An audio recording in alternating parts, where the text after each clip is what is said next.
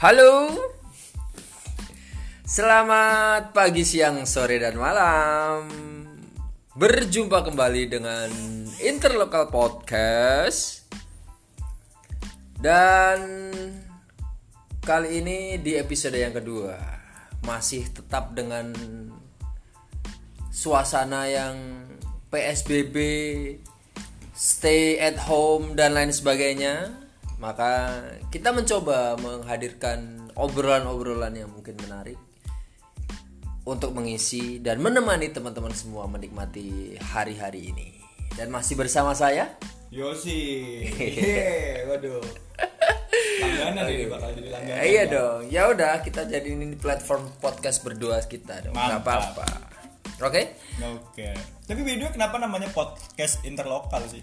Yaitu kan falsafahnya sempat kita bahas kemarin. Jadi interlokal ini sebenarnya saya pengen buat ini untuk dengan teman-teman saya yang jaraknya jauh-jauhan. Oh, gitu. iya. Jadi interlokal gitu kan. Oke. Iya, oke kan? Iya, oke. Podcast interlokal. Oke. Lumayan, tapi kan kita juga walaupun kita sekarang jaraan, tapi kan kita aslinya orang jauh kan. Iya, kita jauh-jauhan sebenarnya. Oke, well, lebaran bentar lagi, Yos. Besok, besok eh hari ini sahur terakhir. Hari ini sahur terakhir gitu. Iya. Buat yang teman-teman kita take eh, tang hari ini tanggal berapa kita ya? Tanggal 22. 27. 22 Eh, sorry. dong. Oh iya 22, sorry. Salah lihat. 27 22. 27 Oh 22, 22, sorry. 27 Ramadan. Iya, iya hitungannya gitu.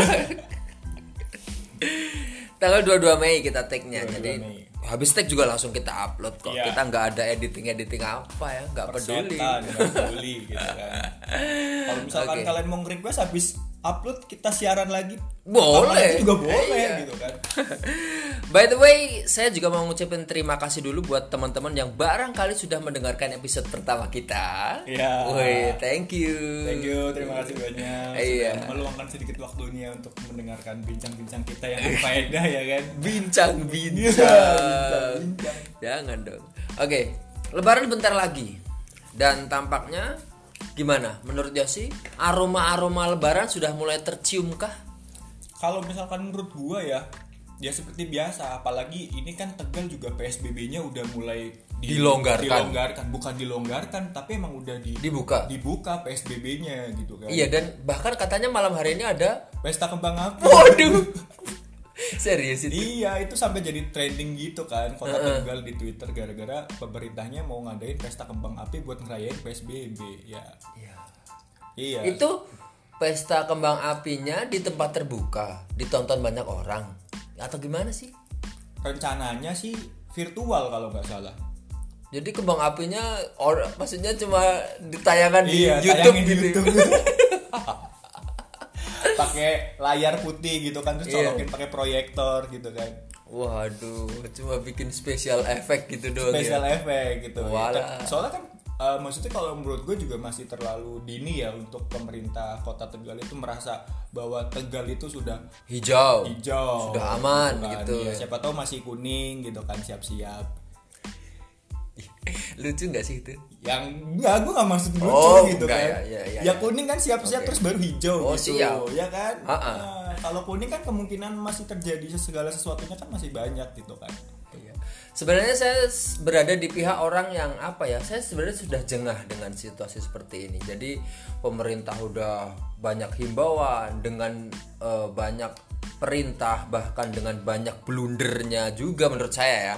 Banyak eh, kebijakan yang aneh dan dan lain sebagainya. Terus masyarakat kita juga semakin ngoyo-woro, semakin gak jelas, semakin gak taat peraturan. Akhirnya tenaga medis kita merasa capek, relawan kita merasa capek. Saya juga udah mulai jengah sebenarnya dengan situasi seperti ini. Tapi Bo, ya, oh kita semaksimal mungkin apa yang kita bisa untuk mencegah semuanya ini ber menyebar lebih jauh gitu, Mbok ya kita mak- maksimalkan gitu loh ya. nah ini juga sebenarnya kalau misalkan kita bicara orang-orangnya gitu kan orang-orang di kota Tegal sendiri Eh, pertama kali gue datang dan sampai Hmm. sekarang itu kalau misalkan di tempat-tempat lain kayak misalkan sholat Jumat ya kan sholat Iya. tarawih itu kan ditiadakan tuh Heeh. tapi di tempat gue semenjak gue balik ke Tegal tanggal 12 April Heeh.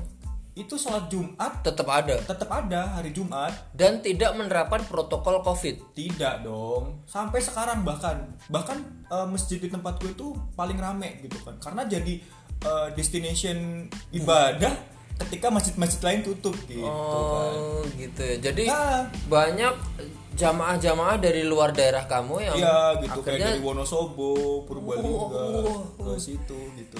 bener-bener bener sekarang bahkan destinasi umrohnya pindah tembok luwung ya. Iya gitu kan bangun miniatur Ka'bah gitu.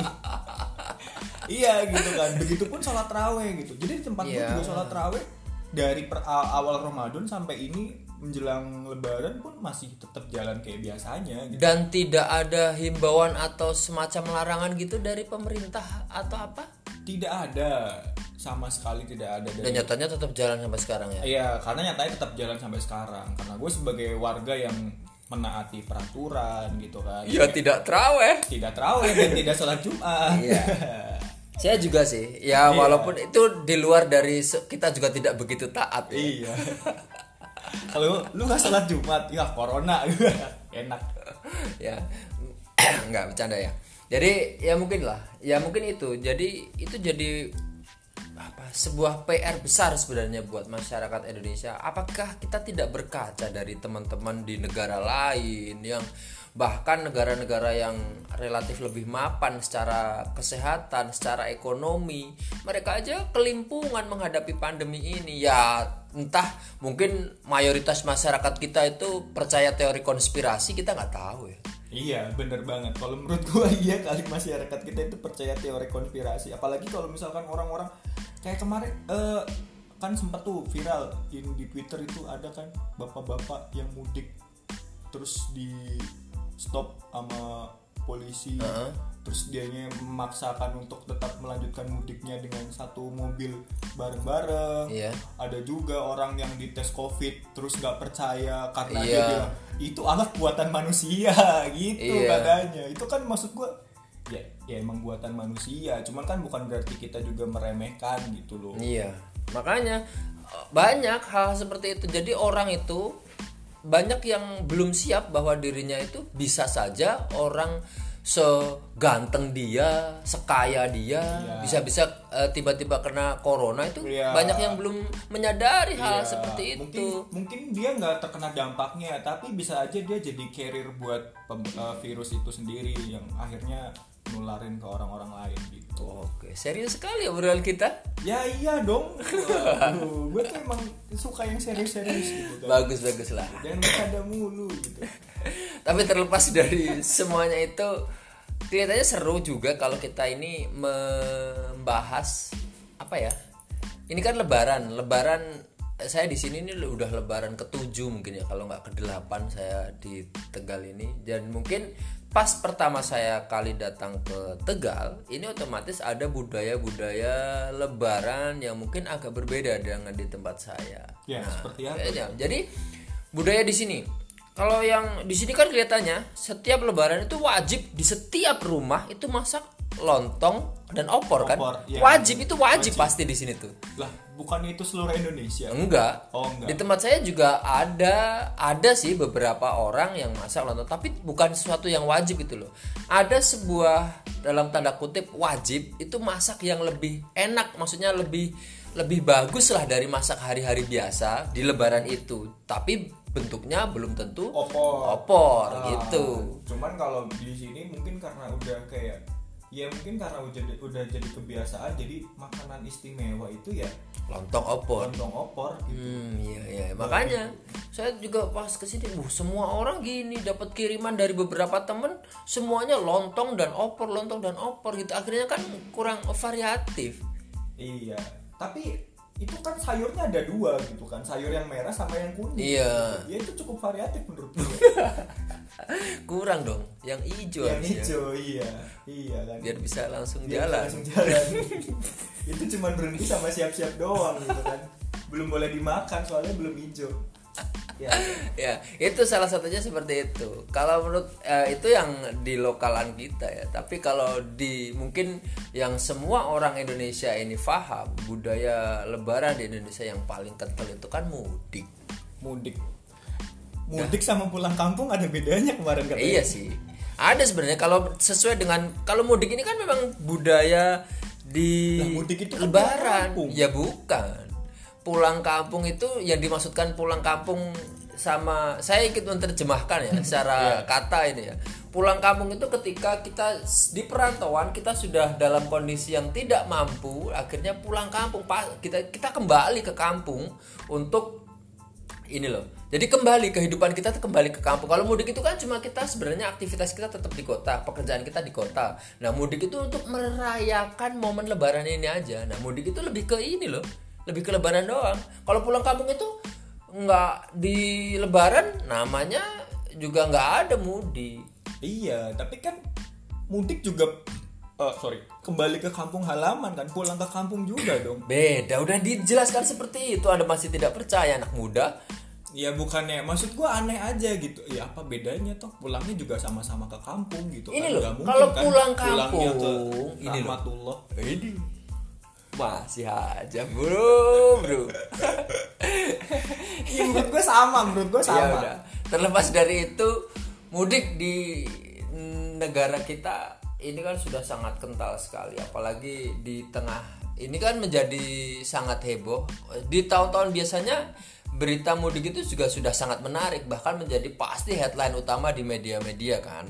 Nah apalagi di situasi yang seperti sekarang ini di mana mudik ini sudah menjadi sesuatu yang agak dilarang, dihimbau untuk tidak dilakukan, ini menjadi cukup krusial ketika orang, wuh, dramatisasi mudik ini luar biasa sekali. Nah, kalau menurut lu gimana nih Mas? Lu kan juga salah satu seorang perantauan dan mungkin kena eh, dampak atau efek dari pandemi ini sehingga lu akhirnya nggak mudik kan tahun ini gitu. Iya, saya nggak mudik. Eh, lu nggak mudik dan gimana perasaan lu?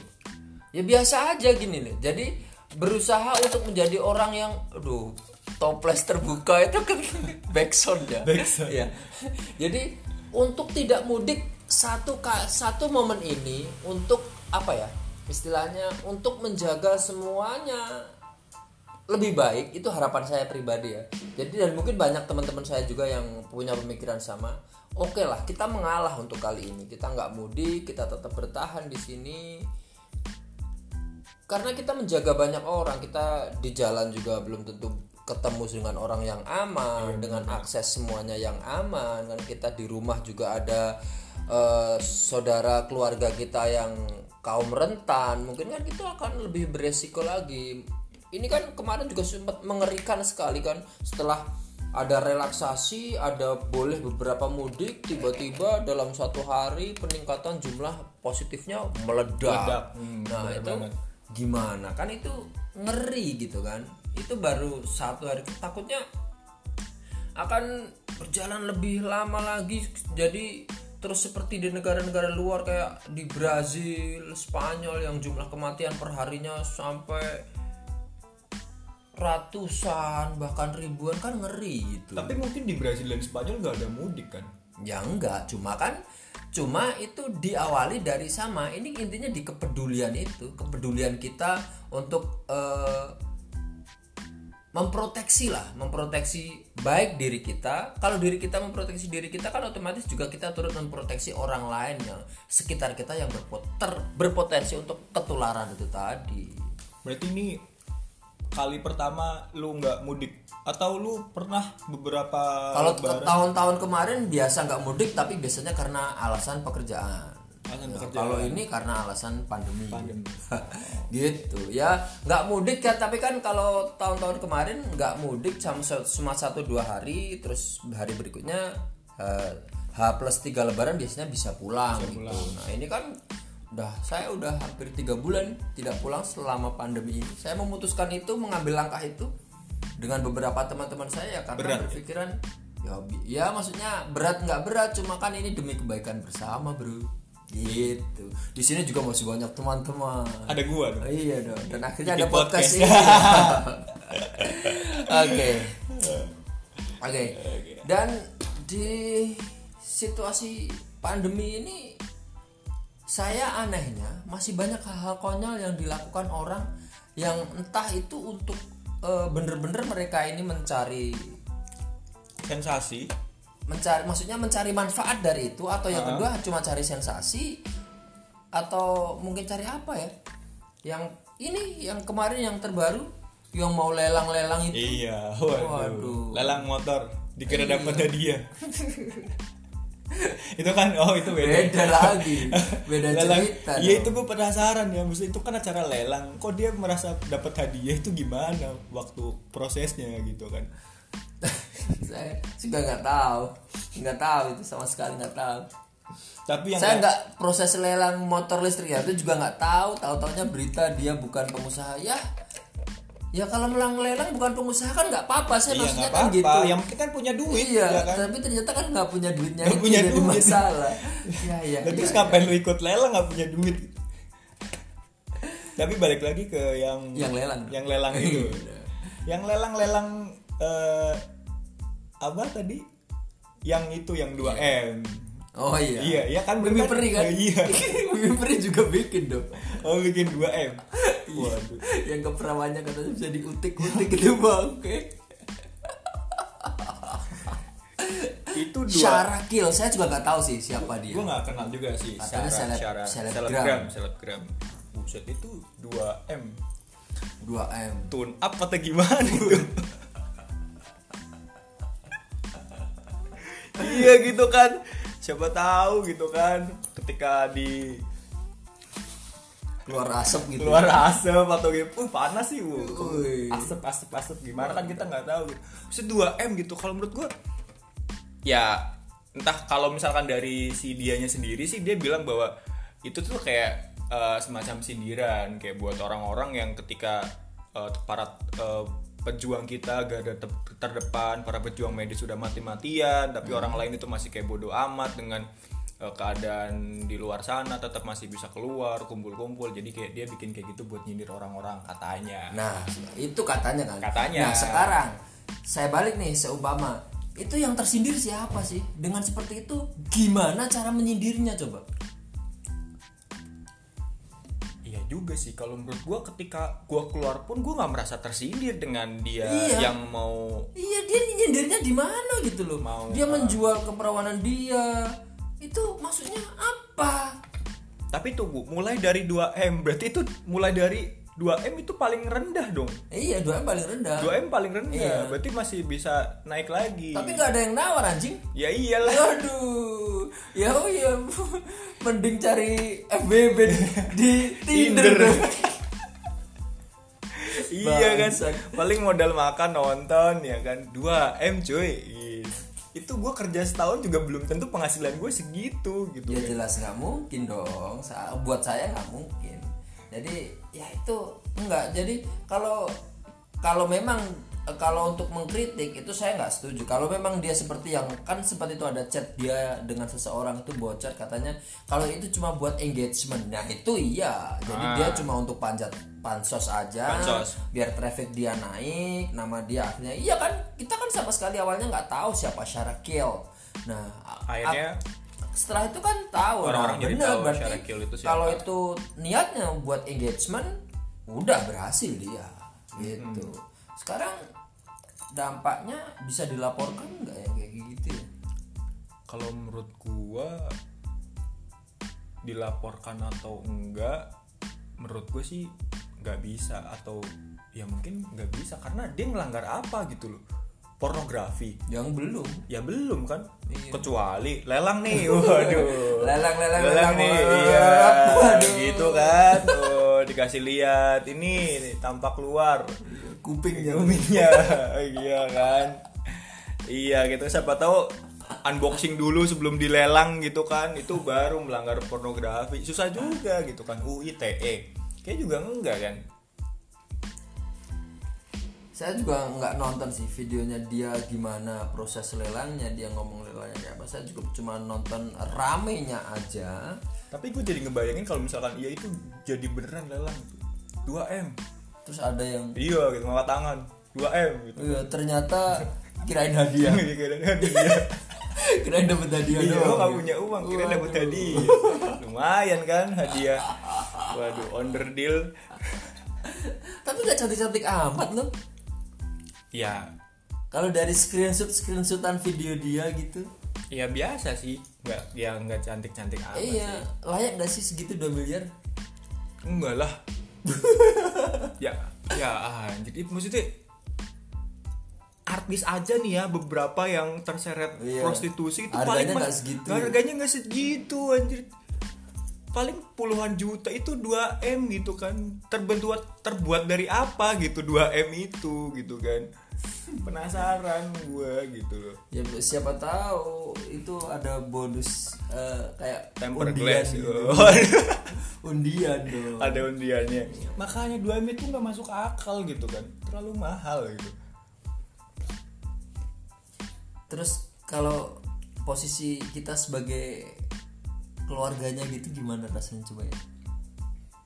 Wah kalau gue sih ya pasti malu banget lah ketika ya apa pun alasannya ketika dia udah berani buat kayak gitu gitu kan ya. Dia kan juga harus nanggung semua konsekuensinya kan risikonya gitu. Entah dia udah bikin kayak istilahnya kayak pembelaan dia bilang kalau misalkan ini cuman kayak eh, sindiran sarkas ke orang-orang yang eh, masih bandel ngeyel tapi tetap aja gitu kan. Sebagian orang tetap nggak nerima maksudnya kayak Iya. apaan sih saya juga iya saya nggak apalagi kalau misalkan jadi keluarganya apa gitu ya. kan makanya ini cukup aneh Indonesia semakin aneh teman-teman dan harapannya semoga saja pandemi ini cepet hilang aja jadi orang bisa kembali lagi menggunakan otaknya dengan benar gitu ya iya makin ke sini kayak makin nggak jelas ini orang-orang ini Oke oke oke. Terus gimana? Lebaran kamu sudah siap untuk mengarungi Lebaran kali ini Yos? Kalau lebaran sih buat gua biasa aja ya karena pusing. Jangan masalah ekonomi lagi. iya dong. maksudnya bukan gitu. Maksudnya kayak eh, kalau misalkan dulu kan maksudnya kita kan semakin dewasa ini kan menyikapi lebaran itu kan bukan kayak yang kita yang dulu-dulu gitu kan. Kalau misalkan kita masih usia belia gitu kan masih kita menyambut dengan sukacita ya kan. Riang gembira beli kembang api gitu kan. Kalau sekarang mah ya udah lebaran biasa aja gitu nggak terlalu yang gimana gimana. Belanja juga enggak gitu kan. Karena udah dewasa. Iya. nggak mudik juga gua. Di sini-sini aja. di sini sini aja gitu kan. Keluarga gue juga Di sini di sini sini cuma gitu. Jadi kayak ya udah nggak ada yang spesial gitu. Oke lah. Jadi biasa aja ya. biasa aja buat gue Gak ada yang bisa kita ambil lucunya juga ya. ada yang lucunya. Susah susah, ternyata. nyari lucunya ternyata. Mau apa gitu. Mau diplesetin ke mana butuh waktu dan pembiasaan mungkin ya Oke, ya nantilah kita semakin episode-episode berikutnya ada lucunya lah. Iya. Kali ini masih episode-episode pencerahan, jadi Pencerahan. kita berusaha sok serius aja. sambutan gitu gitu Hmm. Ya nanti habis ini muka dimah dan kayak gitu nah kalau lu gimana nih persiapan ya nggak persiapan juga ya lu kan cuma Nggak persiapan. Saya masih kerja kerja aja. kerja kerja aja Kerja kerja juga, Lebaran juga masuk kerja. Tetap aja di sini. Tetap menikmati inilah. Ya mungkin bedanya kali ini kita nggak salaman di komplek ini di perumahan kita nggak salam Ah, salaman. iya. apalagi itu kan Iya. kita juga udah nggak bisa salam salaman jadi kayak lebaran itu rasanya makin tambah biasa aja gitu kan Bener. Jadi yang biasanya ya kita entah itu sarung kayak kita pasti terbersit untuk belilah sesuatu yang baru. Entah itu cuma sarung doang kayak apa sempak doang atau apa gitu. Pasti ada keinginan untuk itu. Pasti tapi ada. serius untuk lebaran kali ini buat saya pribadi nggak ada gitu. Yang pertama ya karena nggak ada momennya untuk itu. Karena sholatnya juga tidak dianjurkan kan. Iya bener banget. Terus apa ya? Juga saya nggak ketemu keluarga besar nggak ketemu siapa siapa cuma di sini sini aja. Ya udah paling cuma tidur kan. Iya bener banget ya. Paling ya sholat tidur. Tapi di tempat gue pasti tetap ada sholat id sih. Berarti indie sekali dong. Iya karena kan emang dari awal bapak sampai sekarang itu ibadah tetap dilaksanakan gitu. Itu karena KPKP Gusti Allah gitu wah berat. Nah iya. ini nih saya kembali kita kebetulan kita berdua ini sama-sama muslim ya. Jadi ya walaupun yang muslim musliman gitu tapi apa sih saya ini menanggapi pandemi ini kan banyak yang eh, penolakan-penolakan dari orang-orang. Itu yang kadang sifatnya memang karena keteledoran, karena ketidaktahuan, tapi banyak juga yang penolakan-penolakan terhadap eh, disiplin baru akibat pandemi ini dengan alasan agama. Itu Iya, kan bener aneh. Menurut saya aneh. Jadi seharusnya kan orang yang semakin tahu agama, mereka semakin bisa mengerti ya bagaimana konsep konsep wabah, konsep Tuhan memberikan ujian, konsep Tuhan memberikan penyakit dan lain sebagainya kan kita harusnya semakin tahu gitu ya. Iya. Kenapa masih ada muncul orang-orang dengan dalih agama tidak mau ini ini gitu kan susah. Seperti Iya, yang kemarin tuh di Contoh, Surabaya iya, tuh. Surabaya juga iya terus kayak kemarin ya kan orang-orang yang masih ngeyel ngadain tablik akbar nah ternyata sepulang dari itu kan banyak kan Ya makanya. orang-orang yang akhirnya membawa virus tersebut ke daerahnya masing-masing Dan itu sampai sekarang kelihatannya masih klaster terbesar di Indonesia, jadi menyebarkan Iya. ke seluruh Indonesia. bener banget karena emang dari situ sih Ngeri sih. Jadi ya mungkin orang eh, saya tidak menyebut eh, terus orang belajar agama itu jelek enggak, pasti bagus Pasti orang belajar agama. Cuma kadar kita bagaimana mempelajari agama dan memaknai serta memahami agama itu yang lebih penting menurut saya. Jadi eh, apa ya kalau boleh dibilang keseluruhannya lah. Jadi jangan cuma baca di luar-luarnya saja. iya Kurang. kayak ya udahlah oh, semuanya udah diatur nih sama Tuhan Oh, iya. mesti kayak yang gak rasional juga gitu kan Iya kayak kemarin itu yang katanya Habib Habib siapa yang di Surabaya itu ketika dirazia karena tidak mentaati aturan Social covid, gitu kan, iya di dalam mobil mobilnya itu kan. dia teriak-teriak itu yang kena penyakit itu yang nggak sembahyang. Waduh, makanya gitu ya dong. gitu. makanya kadang eh, banyak orang beragama tapi kelakuannya seperti orang-orang yang tidak beragama. Bener nih. iya makanya gitu kan. Makanya waktu itu gue apa sih orang-orang yang agamanya kayak gini gitu? Maksudnya kayak mereka taat mereka ini. Tapi seolah-olah ya udah mereka yang paling bener gitu kan. Orang lain salah gitu. Oke, semoga saja orang semakin banyak muncul kesadaran ya. Jadi tidak ada lagi orang yang akhirnya dilaporkan di eh, apa ya dibawa-bawa ke polisi cuma karena hal sepele seperti itu. Itu kasihan sekali gitu loh. Orang maksudnya orang hanya karena menyebarkan berita tentang hoax corona, mem- memberitakan tentang hal-hal yang tidak bermutu akhirnya masuk eh, berurusan dengan penegak hukum kan nggak lucu juga akhirnya ayolah teman-teman semuanya mari kita nikmati ini. Ya kita terpaksa harus menikmati ya. Iya kan kayak pemerintah juga udah menyarankan kita untuk berdamai dengan Iya. corona. Gimana ya caranya? sebenarnya ya sebenarnya kalau berdamai itu saya kurang setuju juga. Makanya. orang mereka nggak mau damai sama kita. Nah, itu ya kita dia. kalau kita kita harusnya menyerah jatuhnya kan. Jangan menyerah lah. Kita harus tetap berjuang. Kita harus dengan eh, dengan disiplin kita yang baru lah. Kita harus lebih bersih lebih jaga diri mentaati semua ya yang potensi-potensi itu. Ya walaupun di antara teman-teman ada yang percaya eh, konspirasi elit global ya silahkan saja ya. Ya, kalau ada yang percaya ini Bill Gates di belakang ini semua ya nggak apa-apa ya. Nggak apa-apa itu kan orang bisa-bisa saja. Iya bisa-bisa saja. Iya kan kalau eh, ini outsider ini pasti kan percaya teori Konspirasi. konspirasi, elit global nih. iya mesti itu berita konspirasi itu awalnya dari mana sih Banyak. Nah, jadi nggak ya sebenarnya kalau di Indonesia kan yang digaung-gaungkan sih jering kan. Iya. Jeringnya SID yang bla bla bla bla orang banyak yang menganggap itu lucu dan lain sebagainya. Cuma ya di luar jering sebenarnya banyak orang yang punya eh, yang apa ya percaya. Percayakan paham itu ya. Bukan sebenarnya bukan percaya seperti itu. Jadi ada ini sebenarnya virus yang dibuat, Dibuat. virus cuma memang berbahaya iya memang berbahaya. Cuma sebenarnya bisa dicari vaksinnya. Terus ini beritanya cuma di enrich lah maksudnya dibesar-besarkan juga. Iya memang ada seperti itu. Cuma dengan narasi yang lebih bisa diterima tidak yang meletup-letup seperti abang kita beli-beli ba- beli jering itu beli jaring beli jaring. Tapi cantik istrinya ya. Nora ya? Nora iya. Tapi Kampungan. tapi Nora. Iya kamu cantik lagi cantik istrinya. Iya masih muda lagi. Masih muda lagi. Jering udah tua lagi? Iya. Umuran dulu kan? Bukan lebih tua lah jauh lah dia 40 oh istrinya berapa?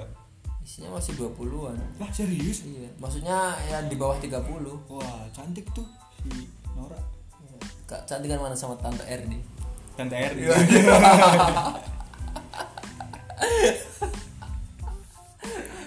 Tante Erni adalah salah satu aset nasional yang harus dijaga. Itu adalah idola-idola kaum muda, jombloan-jombloan Indonesia. orang mana ya tante Erni itu gitu Ya, dengerin aja di podcastnya Gofar Hilman. Eh, iya sih gue sering lihat sih itu muncul di Instagram Iya lo kan kan tahu sendiri yang muncul di feed Instagram kita itu sesuai dengan apa yang sering kita lihat anjing. Iya, gue Iya bukan bukan berarti gue ngeliat. Gue pertama nggak pernah ngeliat itu, tapi tiba-tiba sesekali itu gambar itu muncul, gue curiga ada yang nge-like. Lu pasti di. Ya enggak dong.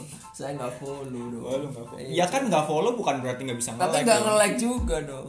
Ya kan nggak. Ngeri aja nge-like itu. Iya, tante Erni.